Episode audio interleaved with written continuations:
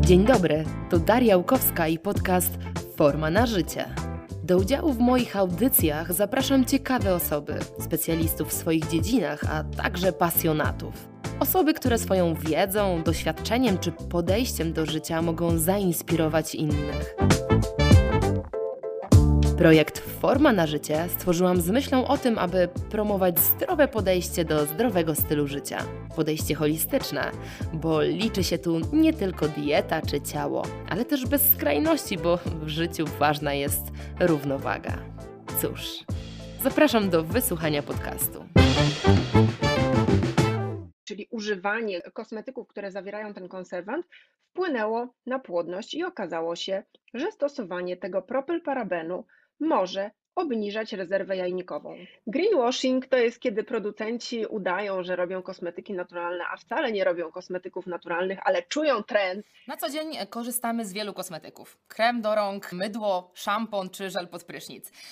Ale zazwyczaj nie patrzymy na skład, a okazuje się, że to, co jest w kosmetykach, może również mieć e, ogromny wpływ na nasze zdrowie. I na ten temat chciałabym dzisiaj porozmawiać z moim gościem, czyli Dominiką Hirek, która jest e, prawniczką specjalizującą się w prawie kosmetycznym i jednocześnie prowadzi świetnego bloga naturalnieproste.com oraz Instagram, gdzie uczy nas, e, jak czytać składy kosmetyków i jak wybierać mądrze, żeby przede wszystkim służyło zdrowiu.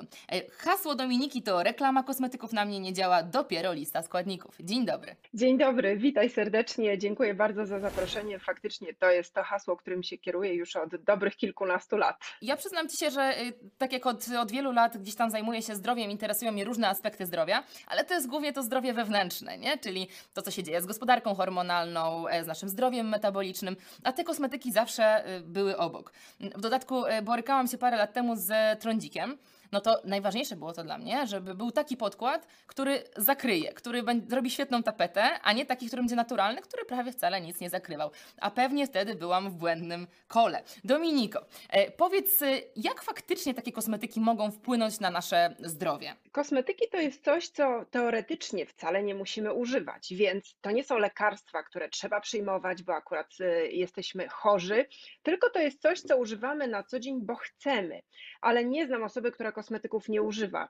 I nie znam też osoby, która używa jednego czy dwóch kosmetyków. To jest kilka albo i kilkanaście kosmetyków rano.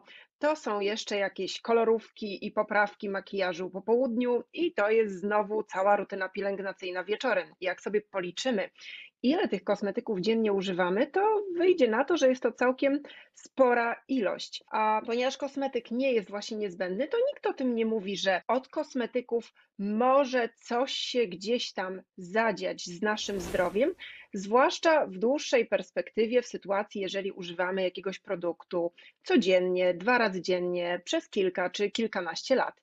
Wtedy to już nie jest taka minimalna ilość jakichś tam substancji chemicznych i faktycznie może e, taki kosmetyk mieć jakiś wpływ na nasze zdrowie. Ja zawsze do tego podchodziłam, że no jednak ta dawka czyni różnicę, no nie? I tak jak często się mówi, że no okej, okay, jakiś składnik może mieć negatywne działanie na, e, na zdrowie, co, co mówią badania, no ale często w tych badaniach okazuje się, że oni zastosowali ogromną dawkę tego, te, te, tej substancji, a potem patrzymy, powiedzmy w danym kosmetyku jest tego... E, mało, stosunkowo mało, ale potem się okazuje, tak jak mówisz, że jeżeli to codziennie stosujemy, albo nawet kilka razy dziennie, to, to faktycznie może mieć to wpływ. Czy na przykład na naszą gospodarkę hormonalną mogą mieć wpływ takie kosmetyki? Jakich możemy się spodziewać konsekwencji długoterminowo zdrowotnych? Najpierw o, o tych badaniach, bo to jest e, bardzo ciekawy temat. Producenci właśnie powołują się na to, że wezmą sobie jeden swój kosmetyk i mówią, proszę bardzo, u mnie tutaj jest konserwant, który w większej ilości w jakichś tam badaniach wyszło na to, że może być szkodliwy dla zdrowia, zdrowia, mhm. ale my go stosujemy w tej tutaj niewielkiej ilości dopuszczonej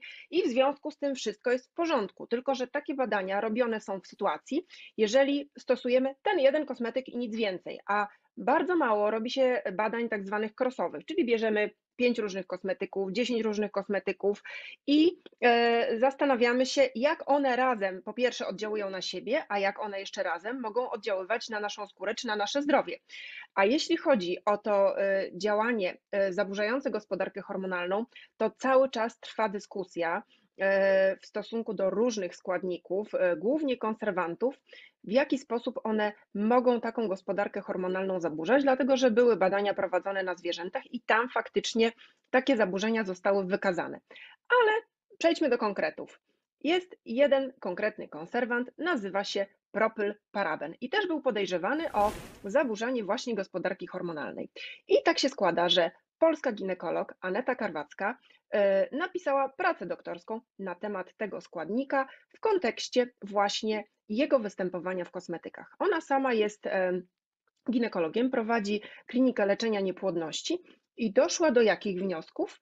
Przebadała e, kobiety, a także mężczyzn, bo, okaza- bo jej wnioski dotyczyły nie tylko kobiet, ale również mężczyzn, właśnie pod kątem jak ekspozycja, to się nazywa fachowo ekspozycja na składnik, czyli używanie go e, w e, kosmetyków, które zawierają ten konserwant, wpłynęło na płodność i okazało się, że stosowanie tego propylparabenu może obniżać rezerwę jajnikową u kobiet. Rezerwa jajnikowa to jest coś takiego, e, to jest liczba jajeczek, które mamy po prostu na całe życie i to z wiekiem robi się tego coraz mniej, nie robi się tego więcej i nie ma żadnej możliwości, żeby w jakikolwiek tą, e, sposób tą rezerwę jajnikową zwiększyć. A właśnie stosując wiele kosmetyków zakonserwowanych propylparabenem, mamy szansę na to, żeby sobie tą rezerwę jajnikową obniżyć. A więc w efekcie mamy mniejsze szanse na to, żeby zajść w ciążę. I ona przebadała właśnie e, kobiety, które się leczyły e, w jej klinice e, niepłodności. Jej wnioski są takie, że uważa, że powinny być ostrzeżenia na opakowaniach kosmetyków, że zawiera właśnie ten konkretny konserwant, a w związku z tym może on wywoływać takie, a nie inne skutki. Może, no bo to nie oznacza, że przytrafi się to wszystkim kobietom, ale e, u kilku procent faktycznie może to wystąpić. No i wtedy to się mówi, że to są tak zwane czynniki środowiskowe, które nigdy do końca nie są sprecyzowane, a tutaj mamy konkret. My jesteśmy w stanie sprawdzić na przykład zawartość w organizmie tej substancji? E, tak, ona przebadała próbki moczu e, na grupie kobiet i właśnie w moczu znalazła ten propylparaben. To są oczywiście specjalistyczne badania, tego się nie wykonuje mhm. w no tak. pierwszej, lepszej przychodni, ale jest to, do, jest to do zbadania, jest to do wykrycia.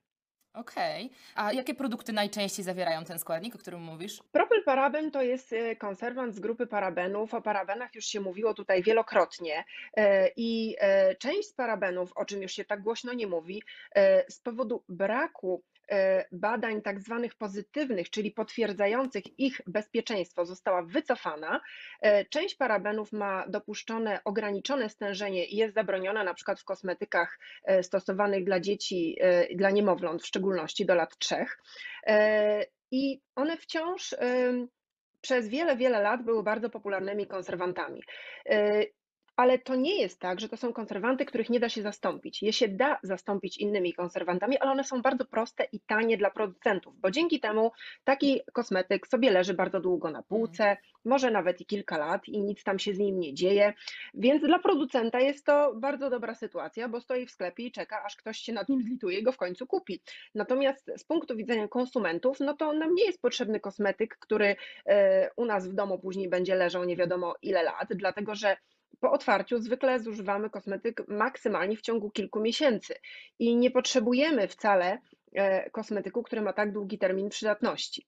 Mhm, mhm. A propos tej płodności, to mi się też kojarzy e, kwestia butelek plastikowych, prawda? Bo teraz też coraz więcej wiemy, że, że one, jakby substancje zawarte w plastiku e, mogą wpływać realnie na naszą gospodarkę hormonalną i są jednym z powodów e, braku z płodnością. Dlatego... Dokładnie mhm. tak i o tym, przepraszam, że Ci przerywam, mhm. ale dokładnie tak, bo właśnie bisfenol A również badała dr Aneta Karwacka razem z propylparabenem i, i też doszła właśnie do takich e, wniosków, z tym, że no bisfenol a dotyczy opakowań plastikowych, natomiast propylparaben to jest składnik występujący w kosmetykach. A jest w ogóle wiele, wiele takich y, składników, które mm, powinny być tak naprawdę y, wycofane, nie powinniśmy ich stosować, a które są dostępne w takich produktach, które używamy na, mm, na co dzień i z którego korzysta powiedzmy większość społeczeństwa, no bo wiesz, jakby no są oczywiście produkty, które tylko część osób decyduje się wybierać.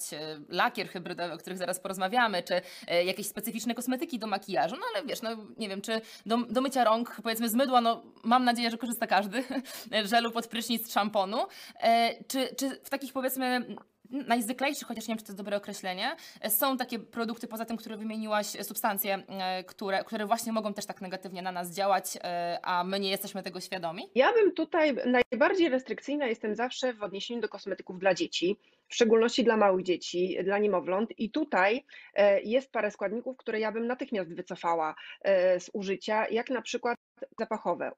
Uważam, że kosmetyk dla niemowlaka, niemowlak nie potrzeba żadnego zapachu, ani naturalnego, ani syntetycznego. A problem z kompozycją zapachową jest taki, że jeżeli mamy na liście składników napisane parfum, to my nie wiemy, co jest w środku, mhm. dlatego że jest to tajemnica producenta. Chodziło o to, oczywiście e, e, pochodzi to z przemysłu perfumiarskiego, chodzi o to, żeby sobie nikt w domu, w przydomowej kuchni nie ukręcił Chanel numer 5, ale no niestety skończyło się na tym, że każda kompozycja zapachowa, która nie chodzi tylko o perfumy, ale także o zapachy, które są dodawane do kremów, do balsamów, do szamponów, to też e, właśnie obejmuje tą tajemnicę producenta, no i teraz w zależności od ustawodawstwa.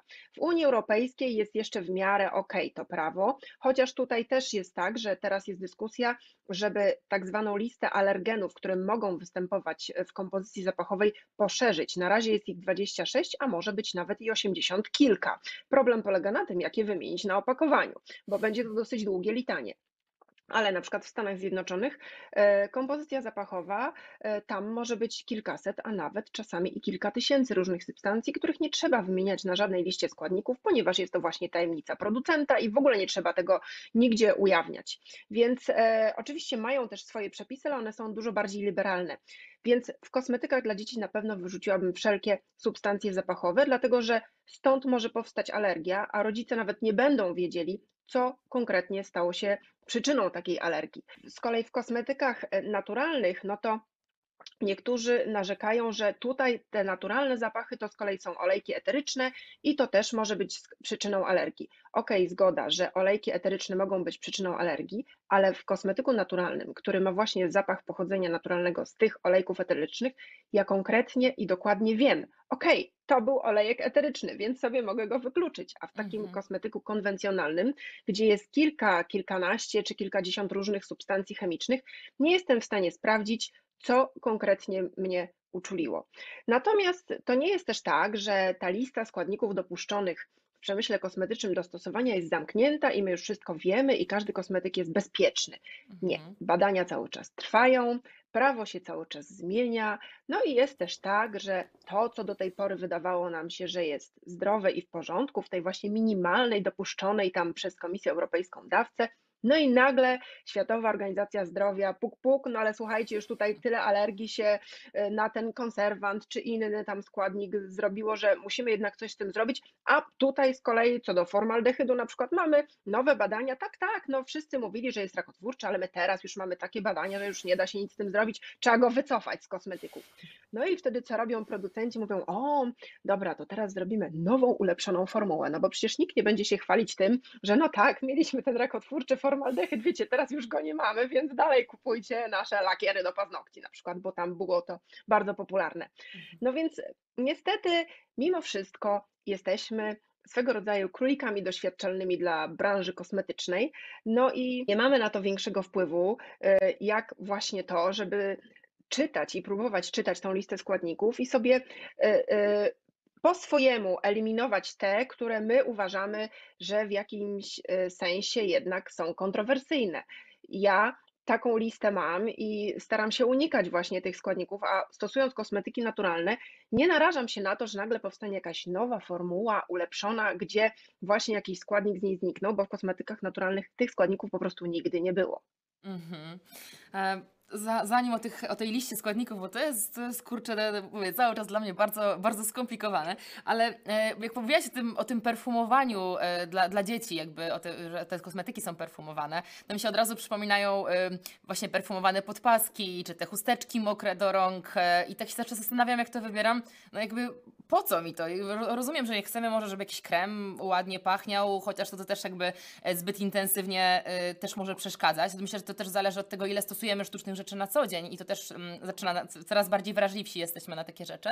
E, perfumy, okej, okay. natomiast no, podpaski pachnące, temat, temat myślę, że tutaj podpasek tamponów też jest kolejnym, kolejnym ciekawym tematem, ale y, wracając najpierw do tego, do tego listy składników, jak znaleźć naturalny kosmetyk w momencie, kiedy nie jesteśmy specjalistami, chcemy iść sobie po prostu wybrać dobry kosmetyk. Powiedzmy, że y, tak jak mówisz, no można mieć tą, tą, tą listę, jakby wczytywać się, ale załóżmy, że ktoś chciałby trochę prostszy sposób, no to pojawia się tutaj ten temat tych certyfikatów, tak, które, y, które się pojawiają. I to jest podobnie jak z branżą tutaj żywieniową, y, mam wrażenie przynajmniej, że tych certyfikatów jest pełno, ale tylko nieliczne się liczą tak naprawdę i, i są, są sensowne, prawda? I powiedz, jak tutaj na podstawie etykiety, która często jest po prostu nas bombarduje tyloma informacjami.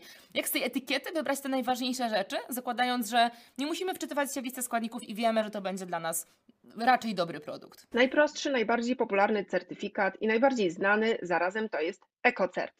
On na naszym rynku występuje e, dosyć długo i jest już e, od wielu, wielu lat tak naprawdę na rynku. I na opakowaniu musimy po prostu szukać jego logo, bo jeżeli ten certyfikat, y, ta organizacja nie klepnęła składu danego kosmetyku, to nie wolno używać logo takiego certyfikatu. Parę firm kiedyś tam e, próbowało, no i oczywiście źle się to dla nich skończyło. Musieli w bardzo krótkim czasie zmieniać opakowania, dlatego że e, te organizacje certyfikujące kosmetyki naturalne e, śledzą też takie rzeczy i po prostu piszą delikatne pismo, proszę to wycofać, bo inaczej no, to już się skończy dużymi konsekwencjami, także i finansowymi, prawnymi i tak Więc certyfikat to jest, e, wiarygodny certyfikat to jest coś, czemu możemy zaufać. No i ten EcoCert, który był na rynku, nie był jedynym. Jest jeszcze kilka takich certyfikatów, e, które występowały w różnych krajach, no bo e, EcoCert to jest Francja, we Francji, e, Francja nie wiem dlaczego, ale zrobiła sobie też drugi certyfikat, który się nazywa Cosme Bio. Występuje obok i tak samo się liczy, jest tak samo ważny. Nie pokłócili się, e, razem grają, że tak powiem, do jednej bramki w symbiozie, jest wszystko w porządku. W Niemczech był certyfikat BDIH, w Wielkiej Brytanii Soil Association, we Włoszech ICA. I to są najważniejsze europejskie certyfikaty. I e, po pewnym czasie te, które wymieniłam, one się zjednoczyły w jedną grupę, która dzisiaj nazywa się Kosmos. I Kosmos wyróżnia dwa rodzaje kosmetyku: Kosmos Natural albo Kosmos Organic. One się różnią tym, że jedno i drugie to są kosmetyki naturalne, natomiast Kosmos Organic ma więcej składników, które pochodzą z certyfikowanych upraw ekologicznych. Tam musi być minimum 20% e, takich składników. Woda się nie liczy tutaj, także jest to troszeczkę wyższy standard, ale Kosmos Natural i Kosmos Organic to są kosmetyki naturalne. Jest jeszcze drugi, e, i w tej grupie właśnie e, tam jest między innymi ten EcoCert. Jest jeszcze drugi certyfikat europejski, który nazywa się Natru. On powstał dużo później niż te, e, które wymieniłam, jest też tak samo wiarygodny. E, swoją siedzibę ma w Brukseli, certyfikuje wiele różnych marek, tańszych i droższych. E, w Polsce jeden producent nawet korzysta z tego certyfikatu. W popularnej sieci drogerii marka własna ma taki certyfikat, także też można się na nim opierać. W Stanach Zjednoczonych jest jeden certyfikat dla żywności, dla kosmetyków, nazywa się USDA Organic i mają tak wyśrubowane standardy, że rzadko kto z niego korzysta korzysta. Tak naprawdę stosuje się go tylko do jakichś prostych kosmetyków e, kilkuskładnikowych, ale nawet jeżeli tam są e, te kosmetyki, które e, Amerykanie nazywają clean beauty, to z tego USDA Organic nie korzystają, tylko po prostu opierają się o mm, o, o, swoje deklaracje marketingowe i, i, sami sobie narzucają te standardy. Natomiast w Europie EcoCert, czyli grupa Kosmos, i Natru. Jeżeli mamy certyfikat Kosmos, czyli EcoCert albo Natru, to wówczas nie musimy już analizować listy składników i taki kosmetyk, jeśli szukamy kosmetyków naturalnych, to wtedy możemy kupować w ciemno. Okej, okay. a jakbyśmy w drugą stronę spojrzeli, czyli e, może być dobry skład, ale nie mają certyfikatu, bo zakładam, że pewnie certyfikat też kosztuje e, jakoś, jakieś tam e, opłatę, żeby, żeby móc go umieszczać, prawda, na opakowaniu. Czyli jeżeli, jeżeli jakby jesteśmy w stanie się nauczyć tych, tych produktów, albo po prostu widzimy, że są faktycznie same naturalne składniki, to tego, tego certyfikatu rozumiem, że nie, nie musi być. Bo nie musi. Tak naprawdę certyfikat to jest dobra wola e, producenta, że sam chce się poddać takiej weryfikacji e, zewnętrznego podmiotu, który sprawdzi mu proces produkcyjny, listę składników, czy opakowanie nadaje Mhm. się do recyklingu, czy nie było testowane na zwierzętach na każdym etapie produkcji, bo to nie tylko chodzi o skład, ale właśnie o te wiele różnych czynników. Natomiast jeżeli certyfikatu nie ma, to musimy we własnym zakresie sobie przeanalizować listę składników i stwierdzić, czy y, pasuje nam, czy nie. Bo niestety, jak nie ma certyfikatu, wielu producentów mm, na przykład e, robi taki zabieg, że wyciągają jeden składnik i mówią: O, tutaj ja mam w tym kremie olej arganowy, i ten olej arganowy to on ma certyfikat EcoCert, ale to nie oznacza, że cały kosmetyk ma certyfikat EcoCert. I najczęściej zdarza się tak, że jest to tak zwany greenwashing, bo poza tym olejem arganowym, który ma ten certyfikat EcoCert, to jest tam mnóstwo innych składników, które by w życiu nie przeszły tego sita weryfikacyjnego i żadnego certyfikatu taki kosmetyk by po prostu nie dostał. Właśnie przeszłaś też tutaj do, do, do tego tematu. Chciałam zapytać, co to jest ten greenwashing, o którym wspominasz też często u siebie na, na, na Instagramie? Greenwashing to jest, kiedy producenci udają, że robią kosmetyki naturalne, a wcale nie robią kosmetyków naturalnych, ale czują trend, chcą zdobyć klientów i za wszelką cenę, niestety idąc na skróty, e, udają, że są bardziej naturalni, a wcale tacy nie są. Więc wszystkie zielone listki, e, jakieś bijące po oczach napisy eko, bio, natural, na to nie ma żadnych regulacji prawnych i każdy sobie może takie właśnie deklaracje umieścić. No i powiem, no tak, no ja jestem eko, bo moje opakowanie kosmetyku nadaje się do recyklingu, no ale to nie wystarczy. Albo no ja jestem bio, bo właśnie tutaj mam ten jeden olej arganowy, który e, jest certyfikowany i pochodzi z upraw ekologicznych. To też nie wystarczy. Bardzo często jest tak, że mm, piszą producenci, no tutaj nie zawiera tego, nie zawiera tamtego, nie zawiera tamtego, no i ale zawiera naturalne składniki. No i to też nie jest wszystko, bo diabeł tkwi w szczegółach. Najbardziej nie lubię tych deklaracji procentowych typu 96% No. składników pochodzenia naturalnego, bo to nie chodzi o te 96%, bo w ogóle w większości kosmetyków największy procent stanowi woda. No i co z tego, że ona jest pochodzenia naturalnego? Diabeł tkwi w szczegółach. Chodzi o te drobne procenty. Są konserwanty, które są dopuszczone tylko w e, dziesiętnych procentach, naprawdę w bardzo niewielkiej ilości, ale to są takie konserwanty, że mimo tego, że są dopuszczone w bardzo niewielkiej ilości, to wciąż mogą wywoływać na przykład różne reakcje alergiczne. Są znane z tego, że wywołują reakcje alergiczne i z tego właśnie powodu żadna organizacja certyfikująca kosmetyki naturalne ich nie akceptuje, a tym samym ja też ich nie akceptuję i nie uważam takich kosmetyków za naturalne, bo to jest właśnie wprowadzanie klientów w błąd, bo oni myślą, ok, nie ma certyfikatu, ten certyfikat był taki drogi, a tej biednej firmy pewnie nie stać na to, ale tak się starają, bo tutaj piszą, że mają te 96% składników pochodzenia naturalnego. Nie, wcale się nie starają, to nie jest kosmetyk naturalny i ja takiego nie kupuję. Mhm. Jeżeli chodzi o kwestie tych naturalnych, no to pytanie z kolei, no bo jakby mówisz tutaj bardzo, mm, znaczy bardzo, y, jesteś restrykcyjna w tym, nie? W sensie, y, jeżeli coś y, ma jakiekolwiek podejrzenie, nie jest naturalnym, no to nie. A czyli są takie sytuacje, gdzie właśnie ta naturalność to jest powiedzmy, czy za mało w jakiejś sytuacji, że musimy właśnie użyć jakiegoś składnika bardziej w cudzysłowie chemicznego, no bo wiadomo, wszystko to chemia, no bo Często też się podkreśla y, i też i u, mnie- u, u mnie w, w, w branży, że nie wszystko co naturalne to jest super zdrowe, i nie wszystko co nienaturalne y, nie jest y, zdrowe, oczywiście to jest bardzo ogólne pojęcie, ale będąc przy tym temacie, y, no to od razu tutaj wybija się mi też ten temat właśnie mm, dermokosmetyków, które teoretycznie są dedykowane osobom, które mają problemy z cerą. Tak powiedzmy, czy to są alergie, jakieś tam atopowe zapalenie skóry, czy właśnie trądzik, jakieś problemy tego typu. Często gdzieś tam wydawało mi się, że właśnie takie typ, typowo naturalne mogą być za słabe, żeby gdzieś tam sobie poradzić powiedzmy z jakimiś tam zmianami, e, zakładając, że jednocześnie oczywiście pracujemy od wewnątrz, no bo to zawsze i, i wewnątrz i zewnątrz, ale Mhm. załóżmy, że skupiamy się tylko na tym, co z zewnątrz. Czy jest tak, że nie zawsze ten naturalny to znaczy dobre? Zacznę od tych dermokosmetyków. To jest genialny zabieg marketingowy. Ten, kto to wymyślił, to po prostu geniusz marketingu, dlatego że to e, dokładnie nic nie znaczy. Nie ma żadnych przepisów, które by w jakikolwiek sposób wyróżniały dermokosmetyki spośród innych kosmetyków. Jedynym ich wyróżnikiem jest to, że one są sprzedawane w aptece, Mhm. ale to o niczym nie świadczy, bo to nie jest tak, że są jakieś kryteria specjalne, żeby się dostać do apteki i móc tam z kosmetyki. Nie, trzeba się tylko dogadać z właścicielem i y, sporządzić umowę, ile kosztuje półka w aptece. To jest wszystko. Nie ma tutaj żadnych restrykcji, że na przykład gdzieś tam nie wolno sprzedawać dermokosmetyków.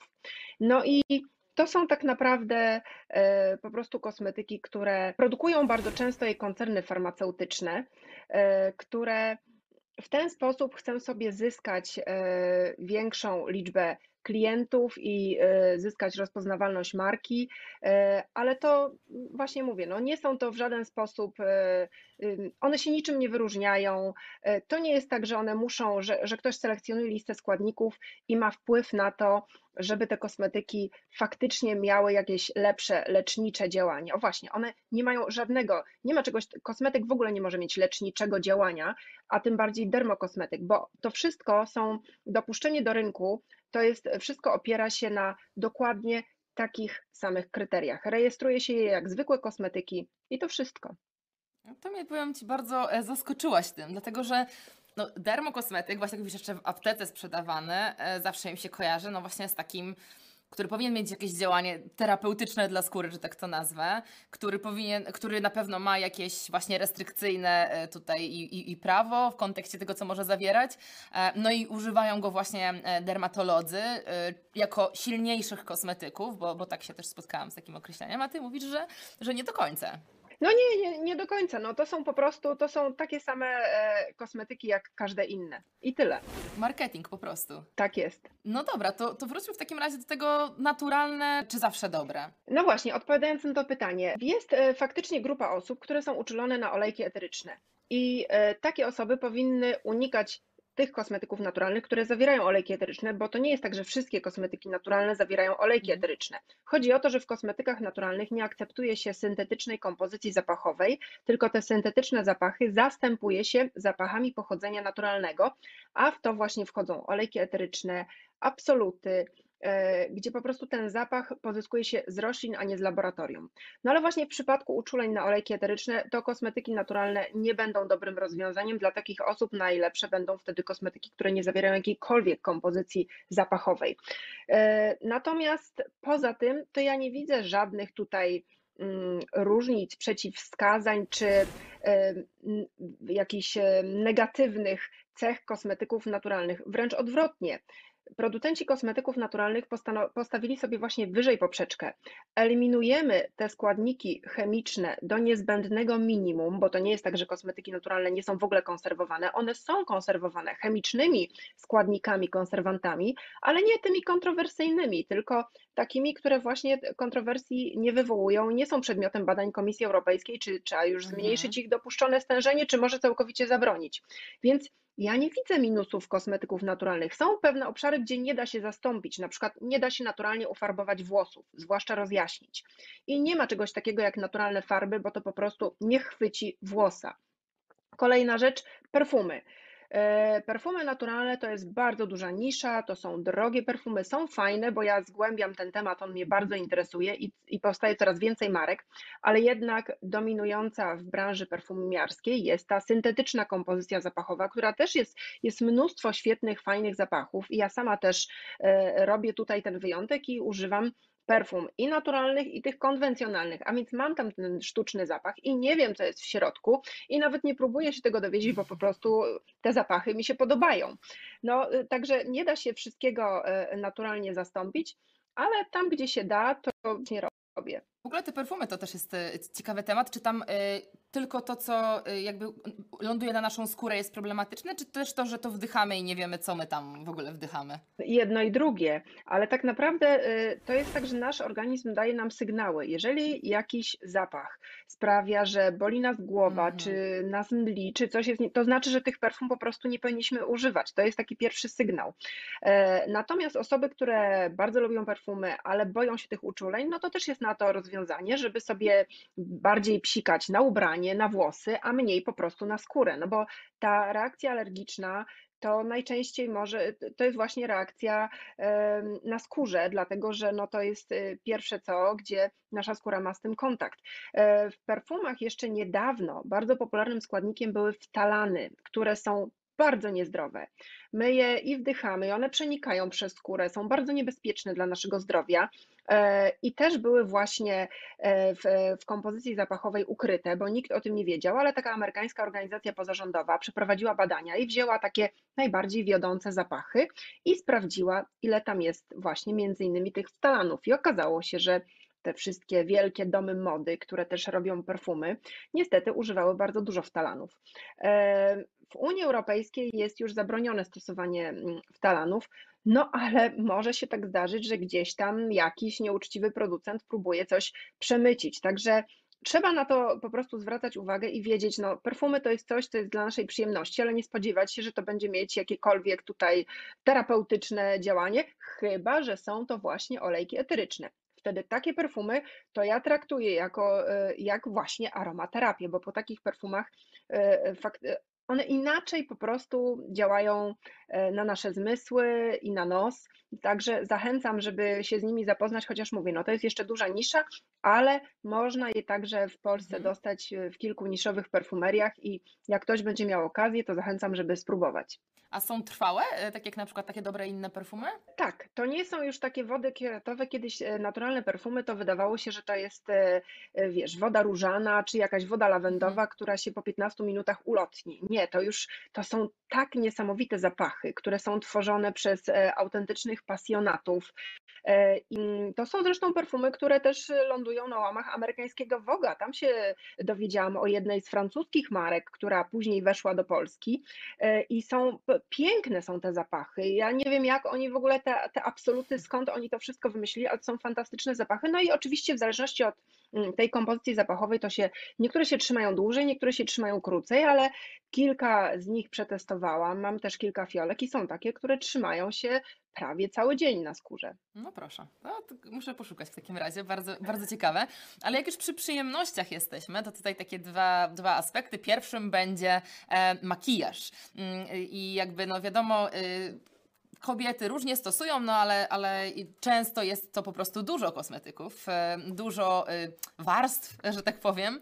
Em, I, co tutaj, e, co tutaj, mm, na co powinniśmy uważać? O, może tak, czy są jakieś e, elementy te, tego makijażu, em, elementy, mam na myśli tutaj e, kosmetyki, fragmenty naszego makijażu, e, które wyjątkowo, na które wyjątkowo powinniśmy zwrócić uwagę na, na skład danych produktów? Maki makijaż e, najpóźniej tutaj branża e, właśnie kosmetyków naturalnych zareagowała, dlatego że najtrudniej było zrobić te wszystkie formuły e, makijażowe, chociaż e, pigmenty mineralne mają tyle odcieni, a to są właśnie te kolory pochodzenia naturalnego, e, gdzie jak już producenci odkryli, w jaki sposób można je wykorzystać, no to to faktycznie zalało rynek i tutaj odcieni jest całe mnóstwo, więc e, pojawiły się podkłady i pudry mineralne, które są w formie proszku. Na początku wydawało mi się, że ojejku, no podkład w formie proszku to będzie trochę dziwnie, ale jak już się do tego przyzwyczaiłam, to zaczęłam odkrywać konsystencję, że proszek też może być naprawdę swego rodzaju tłusty, że może być Mhm. proszek bardziej suchy i może być proszek bardziej tłusty. Ja wiem, że to dziwnie brzmi, ale jak zaczęłam odkrywać właśnie podkłady mineralne, to, to tak się stało. I te podkłady mineralne okazało się, że są świetne do cery trądzikowej, ponieważ one zawierają właśnie sproszkowane minerały, tlenek cynku, e, dwutlenek tytanu, e, takie były ich pierwsze formulacje i to działa faktycznie gojąco na różne zmiany trądzikowe. I ja, która się borykam z trądzikiem już dawno nie młodzieńczym, ale przez całe swoje dorosłe życie, to faktycznie zorientowałam się, że takie podkłady e, bardzo dobrze z moim trądzikiem współpracują i go po prostu łagodzą. Natomiast e, w takich konwencjonalnych kosmetykach, no to też nie tak dawno, wiele lat temu, też było badanie amerykańskiej organizacji pozarządowej, która prześwietliła kolorówkę i odkryła ukryty na przykład w pomadkach ołów, który O. sobie kobiety wraz ze smarowaniem tutaj ust ten ołów zjadały.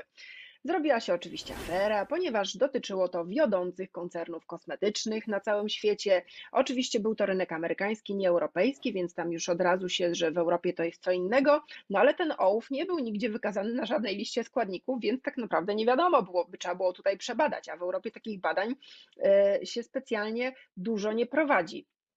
No Mhm. ale e, to już jak się sprawę nagłośniło, no to, że niby bardziej tutaj e, nadzór, Komisja Europejska przyjrzy się temu, że już jest to wyeliminowane. No od tego już e, trochę lat minęło, więc myślę, że faktycznie już tutaj się sytuacja poprawiła. Natomiast no kolorówka to też jest, to jest dużo, przede wszystkim nakładamy jednocześnie bardzo dużo kosmetyków. Podkłady, bazy, pudry, róże, cienie, kredki, rozświetlacze, pomadki, konturówki, błyszczyki. No i teraz wyobraźmy sobie, że każdy z tych kosmetyków jest zakonserwowany jakimś tam w teorii bezpiecznym konserwantem, który ma swoją dopuszczalną bezpieczną dawkę, no ale jak sobie nałożymy te 10 kosmetyków na raz, zwłaszcza wiele kosmetyków stosowanych wokół oczu, e, no tutaj mogą być różne alergie, łzawienie, podrażnienia i to jest pierwszy sygnał, że coś z tym kosmetykiem jest nie tak. Ja też e, wiele lat temu miałam taki konwencjonalny płyn do demakijażu oczu, to jak mnie oczy zaczęły piec, to po prostu zmyłam ten tusz wodą z kranem, bo w ogóle nie dało się nic więcej z tym zrobić, więc e, coś mnie tam ewidentnie podrażniło. Jeszcze wtedy nie byłam taka biegła w czytaniu listy składników. Płyn wyrzuciłam, markę skreśliłam i już wiedziałam, że tutaj to będzie nie po drodze, ale no to niestety taką e, metodą prób i błędów e, musimy się tego nauczyć. Jeżeli coś gdzieś podrażnia, to, to nie mieć sentymentów, o Jezu, zapłaciłam tyle i tyle za tą kredkę. Wyrzucać, bo szkoda zdrowia po prostu. Mhm. E, tak kojarzę, że w pudrach chyba jest jakiś taki składnik, o którym pisałaś jakiś, e, jakoś niedawno. Nie pamiętam, co był za składnik, ale on brz- nie brzmiał dobrze. Tak, w pudrach, w pudrach jest talk. A, No i z, z talkiem jest, z talkiem jest taka sytuacja, że talk sam w sobie jest w porządku, natomiast złoża talku bardzo często są koło złóż azbestu. No i ten talk może być zanieczyszczony rakotwórczym azbestem. No i tak się stało w przypadku koncernu, no o tym to już można mówić publicznie, bo to już e, było przerabiane wiele razy, koncernu Johnson Johnson, który wypuścił słynną zasypkę i e, marketing był na tyle sprawny, że e, to było, ten, ten puder był prezentowany jako kosmetyk wielofunkcyjny, nie tylko zasypka do pupy dla dzieci, ale także do higieny intymnej dla kobiet, również jako puder matujący dla twarzy, który, do twarzy, który jest transparentny, bo on tam y, y, miał tylko taką białą poświatę, ale jak się trochę nim przypudrowało, to, to nieźle matowił. No i y, ja pamiętam jeszcze wiele lat temu na forach y, y, dyskusyjnych były takie, jak jeszcze nie było e, Instagrama, to były takie porady typu właśnie tą zasypką dla dzieci możesz się super przypudrować i się fajnie trzyma i jest zmatowione. No i w Stanach Zjednoczonych problem pojawił się w momencie, jak kobiety, które przez całe życie zaczęły e, używały tego pudru Johnson Johnson, e, dostały raka jajnika i na tego raka jajnika zaczęły umierać. I w końcu powiązano to, że wszystkie te kobiety, które zachorowały na tego raka jajnika, przez całe swoje życie stosowały do higieny intymnej puder Johnson Johnson, co w ogóle było dla mnie absurdem, bo ja bym nie wpadła na to, ale tam reklama była taka, y, nie podź się, tylko stosuj, żeby twoje okolice intymne były suche, to sobie stosuj ten puder. I te kobiety tego stosowały. Moja matka, no od dziecka stosowałam, później jako nastolatka, jako dorosła kobieta. Mężczyznom też puder na plec, ci się plecy nie pociły latem i takie mamy oglądałam w 80 na ten temat. No i zrobiła się afera, e, zrobiły się sprawy sądowe, odszkodowania i teraz co jest najciekawsze? Nigdy się prawo, talk wciąż jest dopuszczalny. On samego końca zaprzeczał, że ich talk jest zanieczyszczony rakotwórczym azbestem, a mimo to płacili wielomilionowe odszkodowania ofiarom, a także rodzinom ofiar, jeżeli te kobiety, które założyły sprawę koncernowi, e, już nie doczekały końca procesu i zmarły. No i skończyło się na tym, że Johnson Johnson sam z siebie z rynku amerykańskiego, czyli Stany Zjednoczone i Kanada, wycofał zasypkę z talkiem, zastąpił talk e, mączką e, kukurydzianą, no ale nie wycofał tego z Europy, z Azji, z Australii. Tam pewnie wyprzedaje teraz zapasy magazynowe, także i w Polsce widziałam w jednej z drogerii ten puder, także przestrzegam. No, przerażająca sytuacja. Mówisz, że y, nie przyznali się, ale jednocześnie płacili odszkodowanie, no czyli jakby przegrali te Tak. procesy, rozumiem. A No jednocześnie... oczywiście przegrali te procesy, no bo w, Sta- w Stanach Zjednoczonych prawo amerykańskie jest bardzo specyficzne. To nie jest tak, że jak jeden proces jest przegrany, no to już to się rozciąga tutaj i, i z tego się Okej. e, jako formuje daleko idące wnioski. Proces przegrany był w stosunku do jednej konkretnej osoby, no więc tej wypłacamy odszkodowania, a co do innych procesów, to cały czas twierdzimy, że nasz puder nie był zanieczyszczony e, az, rakotwórczym azbestem i nawet na Mhm. polskiej stronie Johnson Johnson było takie oświadczenie, że nasz puder jest w porządku i nie ma tam żadnych problemów, jest wszystko wszystko ok. Powstał w Kanadzie mm, film dokumentalny na ten temat, który nazywa się Toxic Bio, że można go teraz być może na jakichś platformach obejrzeć. Ja sobie go oglądałam na e, kanale Planet Plus e, i bardzo polecam ten film dokumentalny, bo tam jest to wszystko właśnie pokazane, e, jak ten proces wyglądał, jak koncern zaprzeczał, dlaczego ten talk był skażony tym rakotwórczym azbestem, no i, jak ta cała historia właśnie przebiegała. Jeszcze wracając na chwilę do kolorówki, no bo ten mhm. talk też jest obecny w pudrach, no to my nie mamy gwarancji, teoretycznie nie powinien być zanieczyszczony rakotwórczym azbestem, ale stosuje się go też w farmacji, ale tam jest tak zwany czysty medycznie talk, który jest specjalnie oczyszczony. Jest to proces drogi. Wtedy taki talk, który jest w lekach stosowany, jest w porządku i wiem, że on jest czysty, ale w kosmetykach nikt nie stosuje takiego talku, bo wtedy ten kosmetyk byłby dużo droższy. Więc pytanie, czy ufamy producentowi, że on nie ma tego azbestu, czy y, nie ufamy? E, prawdopodobieństwo, że zawiera ten azbest jest niewielkie, no ale na przykładzie koncernu Johnson Johnson taka ufna tutaj nie jestem. Jeżeli już mamy taki puder z talkiem, to po prostu i się nim pudrujemy, to absolutnie na wdechu. E, nie wolno e, wdychać tego, po prostu wstrzymać powietrze w momencie, jak się pudrujemy i nie oddychać, żeby nie, y, nie przyjmować po prostu tego, y, tego talku i nie wdychać razem z pudrem, bo jednak jakieś tam y, minimalne ilości, ale jednak wdychamy. Jeżeli taki puder stosujemy raz dziennie albo dwa razy dziennie, bo sobie poprawiamy makijaż, no to już wtedy to ryzyko po prostu rośnie. Mhm. A tutaj przy okazji tego e, Johnsona wspomniałaś, że reklamowali też dla mężczyzn, żeby się nie pociły plecy, tak? Ten, e, ten ta, e, tak. Właśnie tutaj od razu mi się skojarzył temat dezodorantów które y, nie jest łatwo kupić naturalny, który działa. I jakby ja też wielokrotnie to, to przerabiałam. Co prawda mam jakiś taki, który teoretycznie jest, ale chyba nie jest taki w 100% naturalny, y, aczkolwiek y, no teoretycznie bez aluminium, bo teraz chyba jest też taki trend na dezodorantach, że wszędzie jest 0%, wielkie, bardzo często też, że bez aluminium. Mm, ale czy to jest jedyna rzecz, która nas powinna interesować w tym dezodorancie? Pierwotnie w wielu różnych dezodorantach i nawet ja sama używałam też taki dezodorant z aluminium, była mieszanka aluminium i parabenów parabenów. I nie wiadomo było, były badania sprzeczne, a to parabeny tam gdzieś powiązane z rakiem piersi, a to jednak nie parabeny, to aluminium. Te badania dalej trwają. E, to nie jest, bo wiele osób, e, zwolenników dezodorantów z aluminium mówi, och, to były jedne badania, zrobiła ta jedna, ta doktor słynna Darbre, tam była zła metodologia, te badania nigdy nie mhm. zostały powtórzone. Nie, tych badań było więcej, one zostały powtórzone, wyniki e, nie są jednoznaczne, no i jeden z, ze szwajcarskich onkologów, który też, profesor Sapino, który też te badania prowadził, wypowiedział się w ten sposób. Aluminium to jest nasz podejrzany, przeciwko któremu zbieramy dowody. On y, przeprowadził takie badania, z których wynikało, że komórki, potrakt, zdrowe komórki potraktowane aluminium mogą zachowywać się tak, jakby zaczynały rakowieć czyli zmieniać się w takie już komórki niezdrowe, tak? które są jakby to już by musiał się lekarz na ten temat powiedzieć, no ale zmierzamy w kierunku tego nowotworu w jakimś sensie. I on powiedział, jesteśmy na tym etapie. Co dalej się z tym zadzieje? te badania są kontynuowane. No i teraz pytanie, czy czekamy, aż, aż ktoś powie, o nie, jednak aluminium jest złe, a ja właśnie przez 20 lat używałam dezodorantu z aluminium e, codziennie i co z tym zrobić? Więc tutaj też musimy sobie sami odpowiedzieć, ale no i kosmetyki naturalne przychodzą nam z taką pomocą, że e, już sobie e, mm, podniosły tą poprzeczkę, powiedział, ok, będziemy szukać innych substancji, które będą hamować pot, będą neutralizować nieprzyjemny zapach potu, ale nie będą zawierać aluminium. No i pierwsze co, to była mieszanka alkoholu i olejków eterycznych.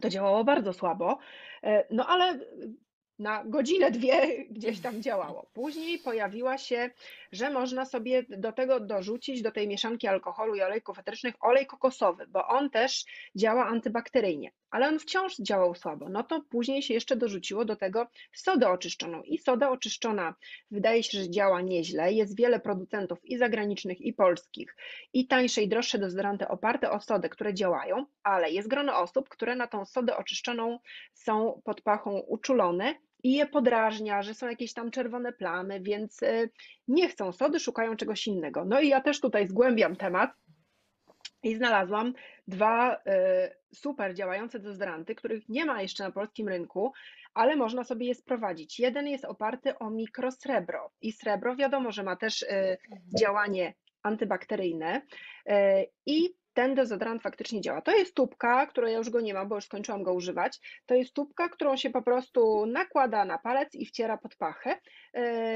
Jest to, jest, on nie jest oparty właśnie o tą sodę oczyszczoną, więc y, jest to też kolejna alternatywa dla tych, którzy sody nie chcą, a Mhm. faktycznie działa. Drugi dezodorant to jest nowość, którą odkryłam w Stanach Zjednoczonych. To jest dezodorant oparty o kwasy AHA. E, Nie wiem, w jaki sposób udało im się tą formułę dopracować, ale kupiłam sobie ten dezodorant w Stanach i faktycznie on działa i hamuje wydzielanie potu i nie ma tego nieprzyjemnego zapachu. Więc jest tutaj wiele tych alternatyw. Ja myślę, że z czasem te wszystkie dezodoranty staną się coraz bardziej popularne i, i, na, i prace nad tymi nowymi formulacjami też będą e, sprawią, że te dezodoranty staną się bardziej dostępne. E, Ale to nie jest też tak, że e, trzeba od razu tutaj wyrzucać taki dezodorant z aluminium i się go bać. Nie, po prostu używajmy go, ale wieczorem pamiętać o tym, żeby wziąć prysznic i te resztki tego dezodorantu zmyć z siebie i pozwolić skórze pooddychać. Ja też jak mam długi, ciężki, stresujący dzień, to też używam dezodorantu z aluminium, bo to jest taki po prostu bloker, który działa najlepiej, ale później robię sobie od tego aluminium przerwę i używam właśnie tych innych naturalnych dezodorantów, które są dla mnie e, taką właśnie alternatywą. Mhm. I też to jest ciekawe, że im mniej się używa aluminium, a więcej tych naturalnych dezodorantów, tym organizm, że tak powiem, współpracuje z nimi i wcale tego potu nie ma tak dużo e, i zaczyna się organizm przestawiać na te, że tak powiem, naturalne tryby i e, dobrze reagować na taki właśnie naturalny dezodorant, co oznacza, że z czasem taki dezodorant będzie lepiej działał. To też jest bardzo cie- ciekawe i myślę, że też często o tym zapominamy, no, zakładając, że e, wszyscy biorą prysznic, e, podejrzewam, że nie wieczorem, natomiast e, zapominamy nawet, żeby, tak jak mówisz, no, spłukać z siebie to, to, to, co nakładaliśmy. No jednak tutaj e, chcemy zatrzymać wydzielanie potu, co nie jest generalnie naturalne dla naszego organizmu, no więc e, powinniśmy się tego pozbyć chociaż spod e, tych pach, prawda? Ym, ale Dokładnie tak. I to, co właśnie też powiedziałeś, że organizm się przystosowuje, jak, jak miesza, mieszasz te naturalne i, i te bardziej syntetyczne, e, to tak, tak, taką też refleksję, że pewnie tak, tak samo jest z różnymi kosmetykami, które stosujemy, że jak nie zwracamy uwagi na te różne y, składy i powiedzmy stosujemy krem, który nam szkodzi, ale o tym nie wiemy. No potem idziemy po dermokosmetyk, który ma nas teoretycznie wyleczyć, potem na, nam na coś jeszcze tam to e, szkodzi. Potem no, kupię, kupuje wtedy człowiek mocniejszy ten podkład, żeby zakryć powiedzmy zmiany, które wyszły i nie możemy się ich pozbyć właśnie przez te być może kosmetyki. I to się robi takie błędne koło, przez to bardzo dużo tych kosmetyków musimy używać. A czy to nie jest tak, że jak przerzucamy się powiedzmy na tą naturalną, e, natura, naturalną pielęgnację, oczywiście jednocześnie dbając też od siebie od środka, to że my tego tak naprawdę nie potrzebujemy dużo. To prawda, to prawda, bo bardzo często jest tak, że używamy za dużo kosmetyków i, e, i, i trudno nam jest zdiagnozować, co konkretnie nam szkodzi. Więc czasami są też takie, e, takie holistyczne kosmetyczki, które specjalizują się w doradzaniu pielęgnacji tej naturalnej, zalecają, żeby właśnie sobie odstawić i zrobić taką minimalną pielęgnację, czyli dobre oczyszczanie. Jeżeli jest cera trądzikowa, to włączyć coś z glinką. Później tonik albo hydrolat i na to jakieś serum olejowe. I e, to jest takie niezbędne minimum, które jest w stanie uspokoić cerę i wyprowadzić ją na prostą.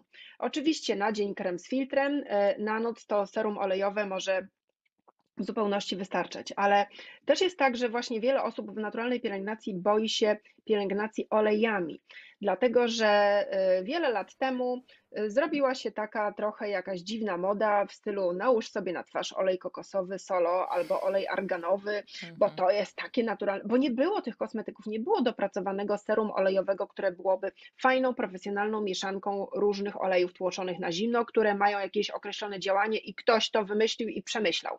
Tylko po prostu brało się to, co jest. No i o ile olej kokosowy jest świetny do demakijażu oczu i ja go używam i nic mi nigdy nie podrażnia, a super zmywa tusz i wszystko i, i, i cały makijaż właśnie wokół oczu, ale na przykład do twarzy bym oleju kokosowego już y, solo nie stosowała, bo mając serę trądzikową, on może wykazywać takie działanie komedogenne, czyli po prostu mogę mieć wysyp pryszczy po nim. Tak samo olej arganowy to jest ciężki olej, który może być fajny do ciała, ujędrniający, albo sobie go wymieszać z balsamem do ciała, żeby taki zrobić sobie bardziej odżywczy balsam, ale stosowanie oleju arganowego solo na twarz to też nie jest dobre rozwiązanie. No i zasada taka, że bie- najpierw musimy twarz mieć dobrze oczyszczoną, później spryskać tonikiem albo hydrolatem i na taką wilgotną skórę nałożyć sobie dwie, trzy kropelki oleju i najpierw rozetrzeć w dłoniach i dopiero nałożyć na twarz, a nie tak jak to czasami na reklamach, że tak tutaj mm, i spływa ten olej. No to wtedy to nie jest, to tak się tego nie nakłada i to nie jest naturalna pielęgnacja, tylko to jest po prostu jakieś ujęcie reklamowe, tylko i wyłącznie. Mhm. Ale właśnie czasami taki detoks, odpoczynek, co wiele osób e, w pandemii przetrenowało na sobie taką mniejszą pielęgnację i nagle w postaci skutków ubocznych, bo ojejku, jaką miałam ładną cerę, bo właśnie się wiele kobiet odstawiło wiele różnych kosmetyków, które stosowało na co dzień. Mhm. No i a propos przerw, tutaj kolejna rzecz y, od razu mi się nasuwa, czyli kwestia lakierów. Zarówno lakierów zwykłych, o których też sobie powiemy, ale i bardzo interesuje mnie też ten temat hybryd, bo to jest temat, który tak mam wrażenie trochę wraca, o którym Mówi się na przykład, że te lampy, które wkładamy gdzieś tam, e, no to może mieć działanie rakotwórcze. Potem no, znalazłam jakieś tam kontrargumenty, że no taka dawka tego światła e, i takie natężenie wcale nie, nie jest szkodliwe, bo, bo jakby szkodliwe będzie powiedzmy e, w dużo większym natężeniu i też jakbyśmy to powiedzmy częściej robili. No lakiery toksyczne z kolei mamy też te lakiery już bez tych największych substancji mm, toksycznych. Mówiło się kiedyś, że trzeba robić przerwę od hybryd, potem słyszałam, że o, o, od jakichś tam różnych osób, które się tym zajmują, że wcale już nie trzeba tych przerw e, robić. No więc właśnie, ja się czuję zagubiona bardzo mocno w tym kontekście. To, co się dowiedziałam od Ciebie z, mm, z Instagrama, no to te lakiery nietoksyczne, takie powiedzmy niehybrydowe, żeby stosować, ale Ty wspominasz, że tak czy siak robisz często przerwę w ogóle od czegokolwiek na paznokciach. E, Tak, ja e, po pierwsze ja nie stosuję w ogóle hybrydy, ale to nie jest tak, że e, nie miałam do czynienia ze, ze sztucznymi paznokciami. Oczywiście w latach 90., jak się pojawiły tipsy, to sobie też założyłam tipsy, które i później nie mogłam e, wsadzić klucza w zamek, bo miałam, bo miałam za długie te paznokcie. I w ogóle e, wiele czynności było bardzo trudne dla mnie do wykonania, więc stwierdziłam, że to jednak nie jest to. I krótka, krótka była moja kariera z tipsami. E, Zawsze lubiłam mieć po prostu swoje krótkie paznokcie. Jak powstała hybryda, no to mm, tutaj niby e, nie ma już te, e, ten, e, te, te lakiery, którymi, mm, które są używane do hybrydy, teoretycznie niby nie są szkodliwe, ale zależy od umiejętności pań nokcie robi, bo jednak są choroby, które są wywołane nieumiejętnie nałożoną hybrydą, jest onycholiza, różnego rodzaju alergie. Dostałam wiele wiadomości od swoich obserwatorek, co się stało, jak w pandemii hybrydę zdjęły, że nagle przypadkowo odkryły, że właśnie miały różne jakieś schorzenia paznokci, że bolały je dłonie, stawy, że e, były wręcz uczulone na hy- hybrydę, co potwierdził lekarz, który właśnie e, w ten sposób po zdjęciu tej hybrydy w ogóle zorientował się, że to mogło być przyczyną e, tych różnych dolegliwości. Także e, ja hybrydy nie zakładam i nie widzę takiej potrzeby. Ja wiem, że jest to wygodne, dlatego że taki e, lak, zwykły lakier do paznokci, ja używam tych tak zwanych nietoksycznych formuł, których w tej chwili już jest coraz więcej na rynku, czyli bez formaldehydu, toluenu, żywic formaldehydowych i takich najbardziej znanych toksycznych składników, jakie w lakierach do paznokci mogą się znaleźć. E, Natomiast taki lakier trzyma się no, do tygodnia i ja nie jestem regularna, nie chodzę co tydzień na manikir, więc później, o tak jak dzisiaj, nie mam w ogóle pomalowanych paznokci, ale nie przeszkadza mi to specjalnie. Natomiast moje paznokcie są bardzo mocne i ja nie muszę ich specjalnie e, zapuszczać, ja nie muszę używać jakichś wzmacniających odżywek, bo ta płytka jest twarda i one się w ogóle nie rozdwajają. E, a jedynym ich problemem jest to, że ja po prostu uszkodzę je mechanicznie, bo gdzieś Mhm. walnę i to jest jedyne, co się z nimi dzieje. Jeśli chodzi natomiast o hybrydy i o e, szkodliwość tego promieniowania, kiedy tą hybrydę tam utwardzamy i, i sobie wkładamy pod lampę, to Pierwsze pokolenie, które aktywnie korzysta z hybryd, jeszcze się nie zestarzało i nie mamy pań, które mają 70 lat, żeby sobie obejrzeć je dłonie, e, obejrzeć ich dłonie, jak taka dłoń wygląda po tych kilkunastu czy kilkudziesięciu latach stosowania co dwa tygodnie hybrydy, e, jak wygląda ich skóra, czy to będzie miało e, jakiś wpływ na ich zdrowie, czy to będzie miało działanie rakotwórcze, my tego dzisiaj nie wiemy. Ale y, zwróćmy uwagę, jak było z solarium. Y, że tak powiem, za moich czasów, mojej młodości, solarium nie miało żadnych ograniczeń wiekowych i bardzo wiele nastolatek na solarium chodziło. I ja też Mhm. chodziłam kiedyś na solarium i to było takie, trzeba mieć zdrową opaleniznę, a poza tym po lecie, no to ty musisz się wyrównać z tą opalenizną, żeby nie było tam żadnego odznaczonych, e, odznaczonego bikini. Nikt nie mówił o solarium, tylko e, mówiło się tam te 10 minut to ci nie zaszkodzi, a teraz są nowe turbolampy, które e, uwzględniają i pochłaniają to promieniowanie, albo się posmaruj czymś tam i to ci na pewno nic nie zaszkodzi. A dzisiaj Mhm. mamy zupełnie inny stan wiedzy. Więc ja nie wiem, czy te lampy hybrydowe dłonią zaszkodzą, czy będą miały wpływ e, jakieś działanie rakotwórcze, czy zrobi się na przykład na dłoni więcej zmarszczek, czy ta dłoń będzie jakoś czy ta skóra będzie bardziej sucha po iluś tam latach stosowania tych hybryd, tego nie wiemy, bo to pierwsze pokolenie hybrydowe jeszcze się nie zestarzało i jeszcze ich rąk nikt nie oglądał i nie badał. To są badania, które się prowadzi przez wiele, wiele lat. Ja w nich e, nie uczestniczę, nie jestem tutaj tym królikiem doświadczalnym, także Mhm. poczekam sobie z boku na te wyniki. No dobra, a co z tymi przerwami w takim razie? No zakładając, że ktoś, e, ktoś e, robi sobie tą hybrydę, y, teraz uważa, znaczy teraz mówi się, że tak powiem, no mówią to zazwyczaj osoby, które gdzieś tam też wykonują te po prostu hybrydy, że nie potrzebujemy takiej przerwy, że jakby nie ma potrzeby dawać odpocząć paznokciom e, pod tą hybrydą. No bo paznokieć jest martwy, więc teoretycznie nic tam się nie dzieje, ale myślę, że te przerwy są też potrzebne po to, żeby sobie po prostu obejrzeć swoje paznokcie, czy pod tą płytką nie ma jakichś zmian, czy nie ma jakichś przebarwień, czy coś tam się nie zadziało, bo właśnie ym, też z- zaprzyjaźniony taki salon kosmetyczny, do którego e, chodzę na manikir, e, tam na tym profilu były pokazywane e, nieumiejętnie założone hybrydy i spowodowana tym onycholiza. I to dopiero jak się zdjęło tą hybrydę, to było widać, co się zadziało, że ten paznokieć miał zupełnie inny kształt płytki, zaczął się jakoś tak z boku odrywać, nie wiem dokładnie, co tam się zadziało, ale no nie wyglądał ten paznokieć na zdrowo, a dopóki tej hybrydy nie zdejmiemy, okej, kosmetyczka na chwilę to spiłuje, później e, robi tam jakieś inne rzeczy i ja nie wiem, czy my jesteśmy w stanie się przyjrzeć swoim paznokciom, czy z nimi jest po prostu wszystko ok. Myślę, że ta przerwa to ma też za zadanie po to, żeby po prostu sobie ten swój paznokieć poobserwować. I też nie bez Mhm. przyczyny mówi się, że na przykład kobiety, które idą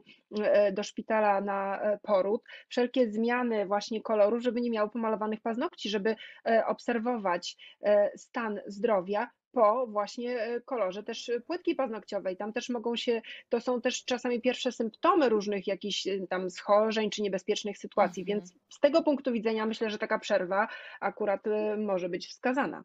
Mhm. E, No tak, bo, bo gdzieś tam tutaj też, e, jeżeli chodzi o kwestie lakierów, tych hybrydowych, to one chyba też e, znajdziemy już te, bez tych tam toksycznych substancji, nie? Tam to chyba jest Seven Free, coś takiego, jak dobrze zdążyłam się Tak, zorientować. tak.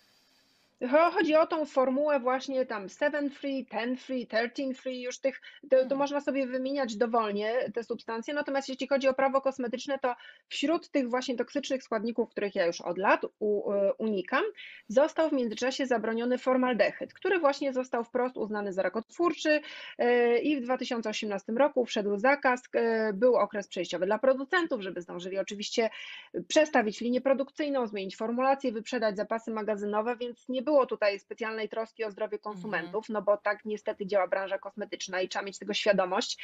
E, No ale zakaz w końcu wszedł w życie i e, lakiery z formaldehydem zostały e, zniknęły z rynku europejskiego, ale w Stanach Zjednoczonych wciąż są dopuszczone do stosowania, Mhm. więc jeżeli jedziemy sobie i kupujemy lakier w Stanach, no to czasami możemy też z tym rakotwórczym formaldehydem sobie taki lakier kupić. Mhm. A to y, do, dobrze kojarzę, że taki kiedyś popularny bardzo ten odżywka 8 w po której takie sztywne paznokcie były, to właśnie tam był ten formaldehyd chyba, prawda? Bo tam... Tak, dlatego że tak, tak, no bo ten e, formaldehyd powoduje, że e, utwardzał paznokcie. Z Mhm. tym, że no jego skutki uboczne dla zdrowia, jednak tutaj Komisja Europejska stwierdziła, no, że niestety nie możemy dalej na to pozwolić, mimo tego, że tam branża kosmetyczna e, apelowała, że to jest tylko 2%, to jest niewielka ilość, ale te 2% to było mimo wszystko bardzo dużo, więc to też daje nam pojęcie o tym, że wydawać by się mogło no 2% w lakierze do paznokci, tylko żeby utwardzić, co to jest. A jednak było to na tyle dużo, że Komisja Europejska stwierdziła, nie,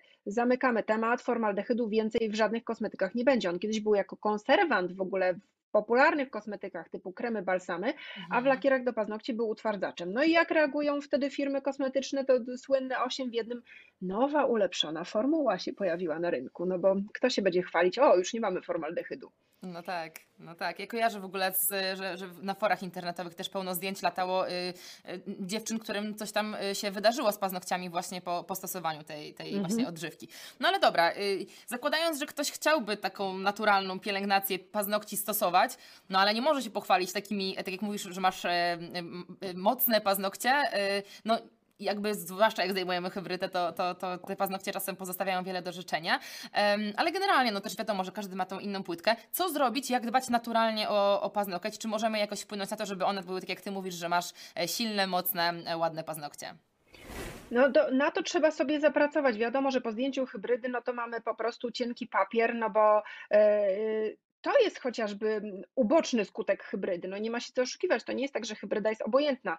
Biorąc pod uwagę właśnie stan tej płytki paznokciowej, no to te substancje chemiczne spowodowały, że jest właśnie to tak cienki paznokieć.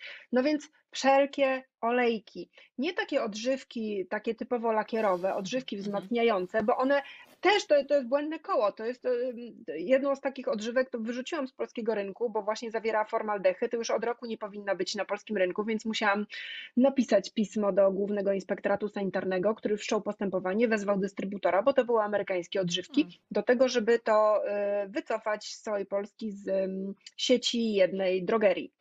No i No i dopiero, to oczywiście y, przypadkowo to zupełnie znalazłam właśnie na półce po wprowadzeniu zakazu i tak sobie stwierdziłam, no sprawdzimy, czy już ten formaldehyd zniknął z tych półek, czy nie. I się okazało, że nie zniknął. No ale właśnie nie takie odżywki, które są typowymi lakierowymi odżywkami do wzmocnienia paznokci, tylko oleje, kremy i to, co ty też mówisz, nie tylko od zewnątrz, ale i od środka, czyli tak samo dieta są, y, to ty tutaj więcej masz do powiedzenia, co wpływa od środka na to, żeby wzmocnić paznokcie. Natomiast e, jeśli chodzi o takie typowe pielęgnacyjne, no to taki nawet olej arganowy czysty, on się sprawdzi do wzmocnienia paznokci. I wcierać przede wszystkim kremy, które stosujemy, naturalne i różne olejki, wcierać właśnie e, wokół paznokci. Tutaj w te skórki wokół paznokci wcierać tego jak najwięcej, jak najczęściej, e, ile się da. No dobra, a powiedz w takim razie, y, jak sobie wejdziemy do drogerii, no to widzimy zawsze takie fragmenty, mamy wiele, wiele kosmetyków różnych, e, z różnymi etykietami, no i zawsze jest taki pasek tych takich czarnych e, kosmetyków, gdzie często jest jakiś tam niedźwiedź, wilk i tak dalej, no i wiadomo, że to są kosmetyki dedykowane mężczyznom.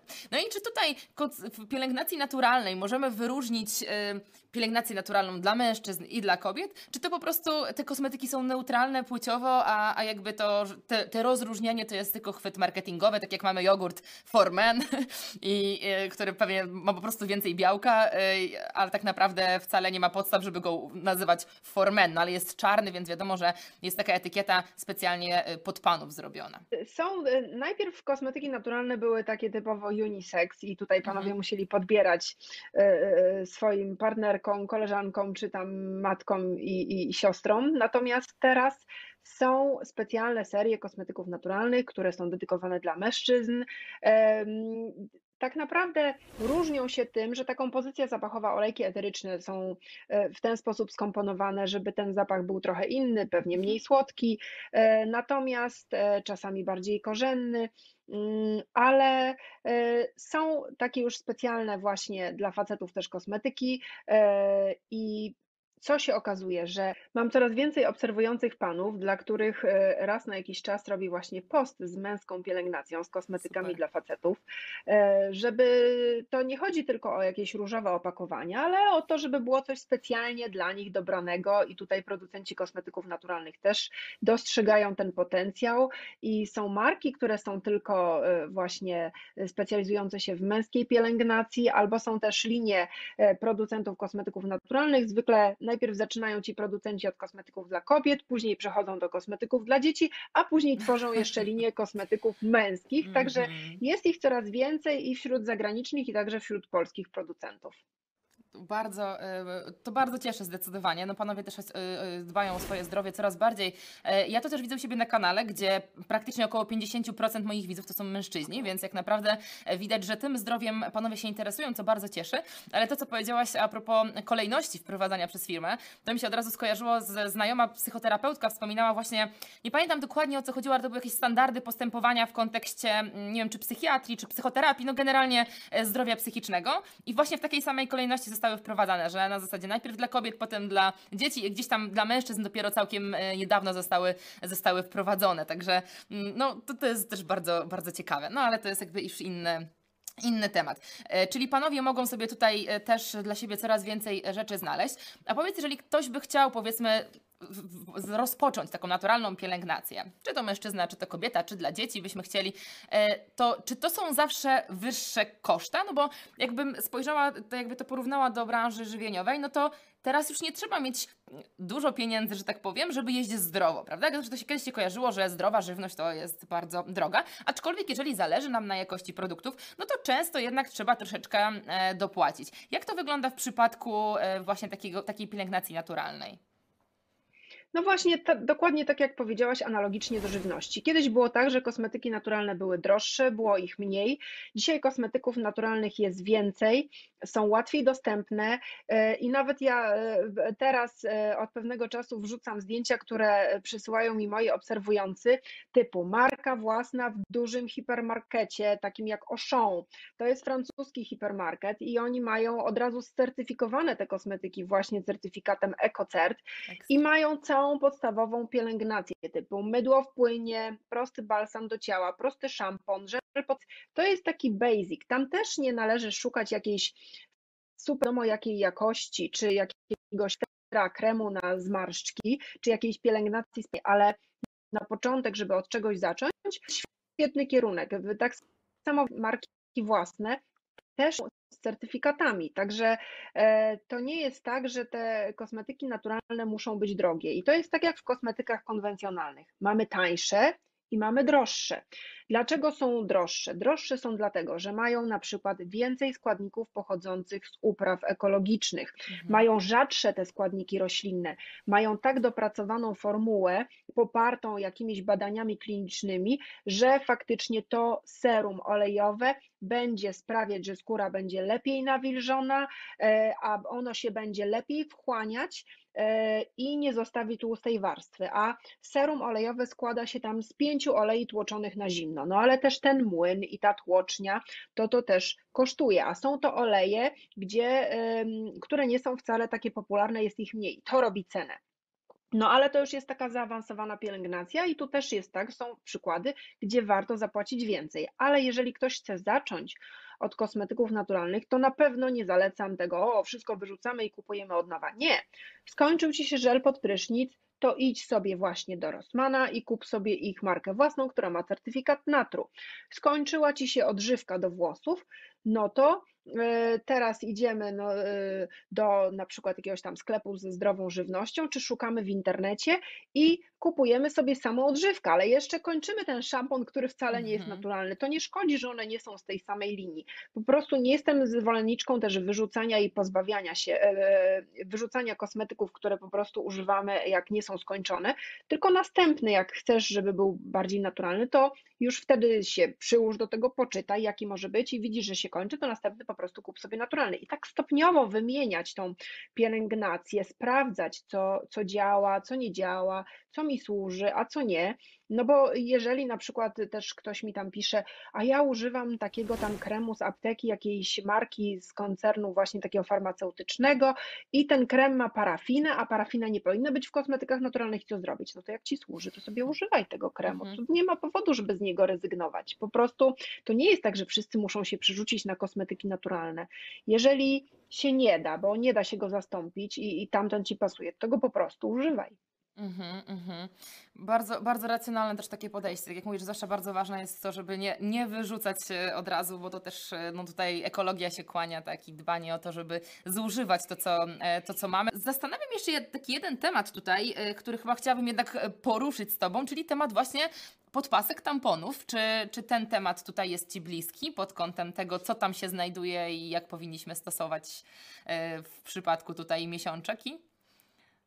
Temat jest tutaj bardzo wielowątkowy, tych produktów jest bardzo dużo i co najciekawsze, w ostatnim czasie pojawiły się tampony czy e, podpaski, które mają certyfikat. Czy widziałam podpaski z certyfikatem Soil Association, sama takich używam, czy e, tampony z certyfikatem EcoCert i to takiej bardzo znanej marki, gdzie oni są od lat na rynku i wiadomo było, że od lat, że są tam bielone chlorem i, i różnie może być z tymi tamponami, no ale teraz skoro jest taki certyfikat, to znaczy, że one nie są bielone chlorem, że ta bawełna jest upraw ekologicznych e, i pod tym kątem, po to jest ten certyfikat, certyfikat, żeby wiedzieć, że tam nie ma tych wszystkich substancji mhm. chemicznych, które właśnie w tego typu produktach mogły się znaleźć. Natomiast jeśli chodzi o e, kwestie e, alternatyw jak kubeczki menstruacyjne, no to tutaj ja, to mi nie pasuje, nie używam, nie robię nic na siłę. Jeżeli ktoś chce, to proszę bardzo, to nie jest po prostu dla mnie, więc e, mhm. tutaj nie jest to produkt, który mi przypasował. E, natomiast e, jeszcze wracając na chwilę do tamponów, tampony um, używam, że tak powiem, awaryjnie. Mhm. Wolę na wszelki wypadek dmuchać na zimne i tutaj tradycyjnie podpaski, natomiast e, tampony, no to w takich sytuacjach, kiedy faktycznie już bym się czuła jakoś tam niekomfortowo.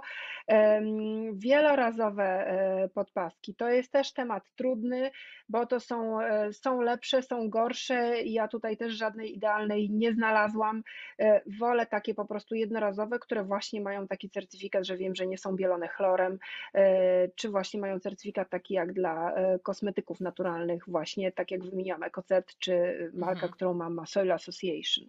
Mhm. Także e, i też tutaj nic nie uważam, żeby trzeba było na siłę jak ktoś się nie czuje, kobieta się nie czuje komfortowo, to po co ma na siłę się zmuszać właśnie do jakichś tam e, czy tych wielorazowych, e, czy kubeczków. No, jest to fajna alternatywa, być może, że w przyszłości będzie to jakoś bardziej popularne, albo że będą dopracowane już takie te wielorazowe podpaski, które będą fajne i komfortowe w użyciu. No. Mhm. Teraz też się pojawiły, y, przynajmniej w Polsce, bo, bo być może już za granicą są od dawna te majtki menstruacyjne, które, które jakby, y, w które się nic nie wkłada, że tak powiem, i one pochłaniają teoretycznie właśnie też też oglądałam jakieś różne recenzje, ale, ale no właśnie tak mnie nie do końca przekonały. E, fakt jest taki, że te tampony i podpaski e, właśnie z różnymi certyfikatami, o których mówisz, no one są jednak czasem nawet o połowę droższe od standardowych, ale też zauważam, że jest to coraz e, coraz tańsze są i coraz większy wybór jest jakby takich tego typu, przynajmniej w drogeriach, więc, więc to też jest na pewno bardzo, bardzo korzystne. To też jest bardzo, bardzo ważna kwestia właśnie pod kątem zdrowia dróg rodnych kobiety, bardzo ważna.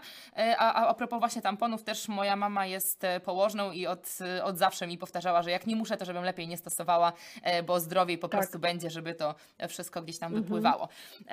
No dobra, powiedz mi tak na, na koniec z ciekawości, co się zmieniło w Twoim życiu, odkąd zaczęłaś stosować taką naturalną pielęgnację? Mam tu na myśli właśnie kwestię zdrowotną, kwestię, kwestię być może wyglądu skóry. Jak Ty oceniasz, bo ta przygoda już trwa dość długo, prawda? No, ja już dobre kilkanaście lat, myślę, że już y, spokojnie no, ponad 15 lat używam kosmetyków naturalnych. I to jest tak, że ja em, przedtem, zanim używałam kosmetyków naturalnych, to byłam zdesperowana, ponieważ albo miałam skórę przesuszoną, albo miałam jakiś wysyp pryszczy, albo nadmiar sebum i ta pielęgnacja była zupełnie nieuregulowana i ja się rzucałam na różne marki, tańsze, droższe i doszłam do ściany. Ja przerobiłam po prostu wszystkie kosmetyki, ponieważ y, borykam się całe życie z trądzikiem mhm. i tym trądzikiem nie było lepiej, tylko było gorzej. Właśnie też go maskowałam i, y, i używam bardzo wielu produktów. I to było tak, to nie pomaga, dobra, rzucamy się na następne. Oto mhm. teraz tutaj jest nowa seria matująca. Tu teraz formuła oil free, o, o której dopiero dopiero niedawno przeczytałam, jaka to była kolejna ściema marketingowa i że to w ogóle e, nie wiadomo, co to miało na celu, e, do czego to miało doprowadzić, bo w żaden sposób cerze formuła oil free nie pomagała i nie pomaga. Także jak zmieniłam pielęgnację na naturalną, to przede wszystkim poprawiła mi się cera. I e, cera mi się poprawiła w taki sposób, że od czasu do czasu zawsze gdzieś tam zdarzy mi się jakiś pryszcz, ale to są, że tak powiem, jednostkowe przypadki. Natomiast nie mam już takich wysypów jak miałam. Nie mam, mam uregulowaną tą mm, gospodarkę e, skóry, jeśli chodzi o, nie mam czegoś takiego, że nagle jakiś mam nadmiar sebum i e, bardzo mocno świecącą się skórę. Ona jest y, w zasadzie non-stop na tym samym poziomie. E, ja pilnuję tych swoich kroków, nie, nie pomijam toniku, bo też była w pewnym momencie taka moda, czy jakieś pojawiły się nowe doniesienia, że w sumie tonik to jest do niczego niepotrzebny i po co go używać. E, no więc abstrahując od tego, ja tonik używam, lubię go używać i czuję, że y, mojej skórze on służy. E, mhm. Bardzo jeszcze mi się poprawiła skóra, jak włączyłam pielęgnację e, do pielęgnacji serum olejowe, czyli oleje, ale mieszanki właśnie, nie czyste oleje, ale mieszanki olejów i nie należy się ich bać, zwłaszcza przy tłustej cerze, bo niektórzy, o tłusta, no to olej, no to to w ogóle bez sensu, będzie jeszcze bardziej tłusto. Nie, nie, nie, to jest zupełnie nie takie myślenie. Są oleje, które są e, dedykowane dla skóry suchej i są oleje, które są dedykowane dla skóry tłustej i one faktycznie skórze pomagają, bo skóra się normuje w momencie, jak ma równowagę, czyli jest dobrze nawilżona, to wtedy nie krzyczy, że potrzebuje dodatkowego nawilżenia, e, że jest przesuszona, czy że właśnie wyrzuca ten nadmiar sebum, bo gdzieś tam dostała czegoś za dużo albo czegoś za mało. Także e, mnie, ja jestem z kosmetyków naturalnych bardzo zadowolona, ponieważ moja skóra się po prostu po tych kosmetykach e, bardzo mocno poprawiła i to jest coś, co no nie wyobrażam sobie, większość e, kosmetyków konwencjonalnych postrzegam jako takie placebo, no bo y, jeżeli kremy czy balsamy do ciała są oparte o parafinę, no to ja nie będę krzyczeć, że to jest rakotwórczy składnik i nie wiadomo co on robi, bo on nic nie robi, dosłownie nic nie robi. To jest ta e, ochrona przez tak zwaną okluzję, czyli że jak sobie nałożę parafinę, to on mi tutaj zaklei, że mi woda nie odparuje ze środka, ale nie mhm. dostarczy mi parafina żadnej e, substancji odżywczej e, i sama w sobie nie jest żadną substancją odżywczą, żeby tą skórę odżywić od środka, ta e, parafina nic nie zrobi, więc na przykład uważam, że kupowanie kremów, które są oparte o parafinę, gdzie ona jest bazą takiego kremu i tam ma parę jakichś innych składników odżywczych w mniejszej lub większej ilości, ale to taka formulacja mnie nie przekonuje, bo dla mnie to ja płacę tutaj przeważnie za reklamę, za jakieś super modelki reklamujące takie kremy, a e, dla mojej skóry nie przekłada się to na jakieś konkretne działanie. Mhm. Czyli powinniśmy zwracać uwagę, żeby to odżywiało też nasz organizm, e, a, a nie tylko działało tak z zewnątrz, tak jak mówisz, że, że tworzy tylko taką powłokę tak naprawdę. No dobra, a powiedz mi tak jeszcze na koniec już dla, dla naszych widzów, jeżeli jest ktoś, kto chciałby zacząć, od czego powinien zacząć, bo to tak jak mówię, jeżeli ktoś nigdy się nie interesował tym tematem, po prostu brał etykietę, która mu najbardziej odpowiada, od czego zacząć, żeby tutaj się nie zgubić w tym, w tym chaosie? E, w sensie, że czytanie etykiet czy zakupy kosmetyczne? E, i to, i to. Czyli jak, jak, mamy kogoś, kto stwierdza dzisiaj po naszym obejrzeniu naszego filmu, e, że on teraz chce, ona chce rozpocząć naturalną pielęgnację. Nie potrafi, nie umie ani czytać etykiet Pewnie najchętniej bym zaprosiła na Twojego bloga i na Twój Instagram, bo, bo tak pewnie od tego warto by e, zacząć. E, ale właśnie, ta metoda małych kroków. Powiedziałaś już to, że jak nam się skończy, to dopiero wtedy wybierać. Ale e, mam tu na myśli na przykład, czy my musimy jakoś dobierać? Czy to jest metoda prób i błędów? Czy, czy, są, czy to są właśnie takie bardziej neutralne kosmetyki? Bo wiesz, bo dobrze, jak coś jest tak spersonalizowane. Jak, jak taka rola personalizacji jest tutaj w tej naturalnej pielęgnacji? To zaczęłabym od, e, od tego, żeby sobie pójść do takiego Rossmana i kupić sobie właśnie żel pod prysznic marki Altera, który ma certyfikat Natru. W promocji kosztuje kilka złotych i po prostu mhm. się tym umyć i zobaczyć różnicę na swoim ciele po takim żelu, który jest, e, który ma dużo tych takich substancji myjących e, trochę i może i nawet agresywnych albo większej ilości, które niekoniecznie są potrzebne naszej skórze, bo mogą ją wysuszać.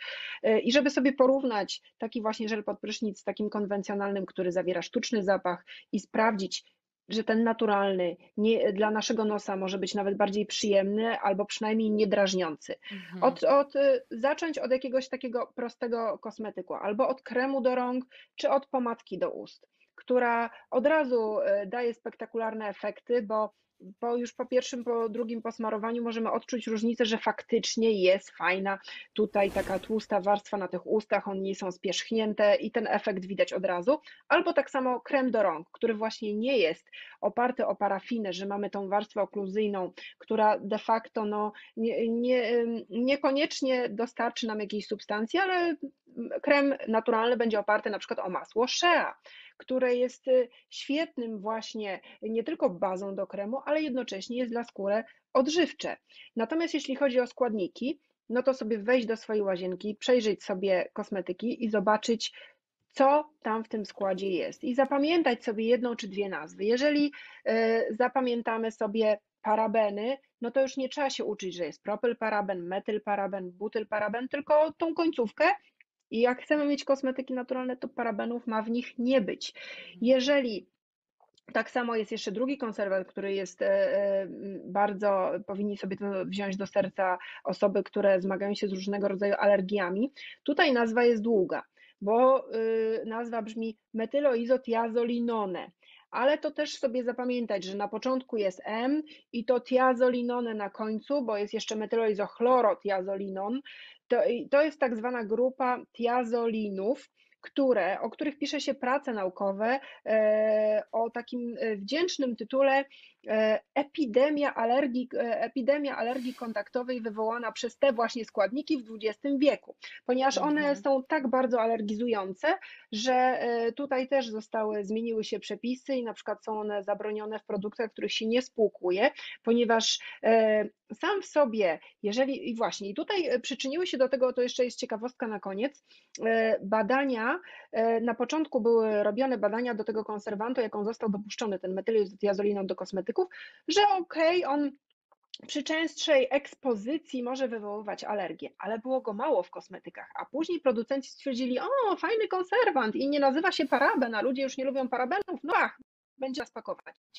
I się zrobiło ich tak dużo na rynku, że i one były w, w żelach pod prysznic, e, i w balsamach do ciała, i w szamponach, że mm, po prostu zrobił się wysyp tych alergii kontaktowych i ten współczynnik tej alergii tam wzrósł o kilka procent, co jest bardzo dużo w skali całego społeczeństwa. Mhm. I w związku z tym podjęto decyzję o wycofaniu tego właśnie e, składnika z produktów, które się spłukuje. On dzisiaj wciąż jest obecny, w tych, e, wycofano go z niespłukiwanych, wciąż Aha. jest obecny w produktach spłukiwanych, czyli można go spotkać. Trzeba przejrzeć sobie szampony do włosów, e, żele pod prysznic, wszelkie mydła w płynie, mydła do higieny intymnej, bo tam też może się znaleźć, a to jest, ten konserwant dostał tytuł alergena roku przez Amerykańskie Towarzystwo Dermatologiczne, więc on jest bardzo znany i producenci o tym doskonale wiedzą, że, że on wywołuje dużo e, alergii, no ale póki nie reagują konsumenci, no to takie rzeczy dalej po prostu będą niestety w sprzedaży. Czyli e, przede wszystkim tutaj ta, ta świadomość. E, ja ponownie też odsyłam do, na Twojego bloga i, i Instagram, bo tam też można wiele, e, wiele informacji e, zdobyć i nauczyć się przede wszystkim. Obserwując twoje, twoje media społecznościowe, jak wspomniałaś też o tej marce z, z Rossmana, że coraz bardziej te kosmetyki są dostępne i one wcale nie są drogie, właśnie te podstawowe, a, a tam później na te perfumy, tak jak mówisz, naturalne, które są jeszcze drogie, no to jeszcze chwilę możemy się wstrzymać i poczekać na, na, na lepsze ceny. Bardzo Ci dziękuję za rozmowę rozmowę, bo jest tutaj naprawdę kawał informacji na, na, na każdy tak naprawdę tutaj temat związany z pielęgnacją. Bardzo się cieszę, że e, nasi widzowie też będą mogli odkryć ten ten obszar, bo, bo mówimy cały czas o zdrowiu wewnętrznym, a e, to, co nakładamy z zewnątrz, jeszcze raz powtarzam, że ma ogromne również znaczenie. Dziękuję Ci bardzo za rozmowę. Dziękuję za zaproszenie. Dziękuję, że znalazłeś czas na wysłuchanie tego podcastu. Myślę, że z pewnością znasz kogoś, komu informacje tu zawarte mogą się przydać. Możesz podesłać mu link do tego nagrania. A jeśli zechcesz udostępnić ten podcast na swoich mediach społecznościowych, tym bardziej będzie mi miło, a projekt Forma na Życie będzie rozwijał się szybciej. Z góry dzięki! Jeśli chcesz obejrzeć ten podcast wraz z nagraniem wideo, wpadnij na mój kanał na YouTube. Znajdziesz mnie tam pod nazwą Daria Łukowska Forma na Życie. Zapraszam Cię też na moje media społecznościowe, czyli na Instagram i Facebooka, gdzie dzielę się moimi przemyśleniami z życia codziennego. Ja nazywam się Daria Łukowska, a to był podcast Forma na Życie. Do usłyszenia!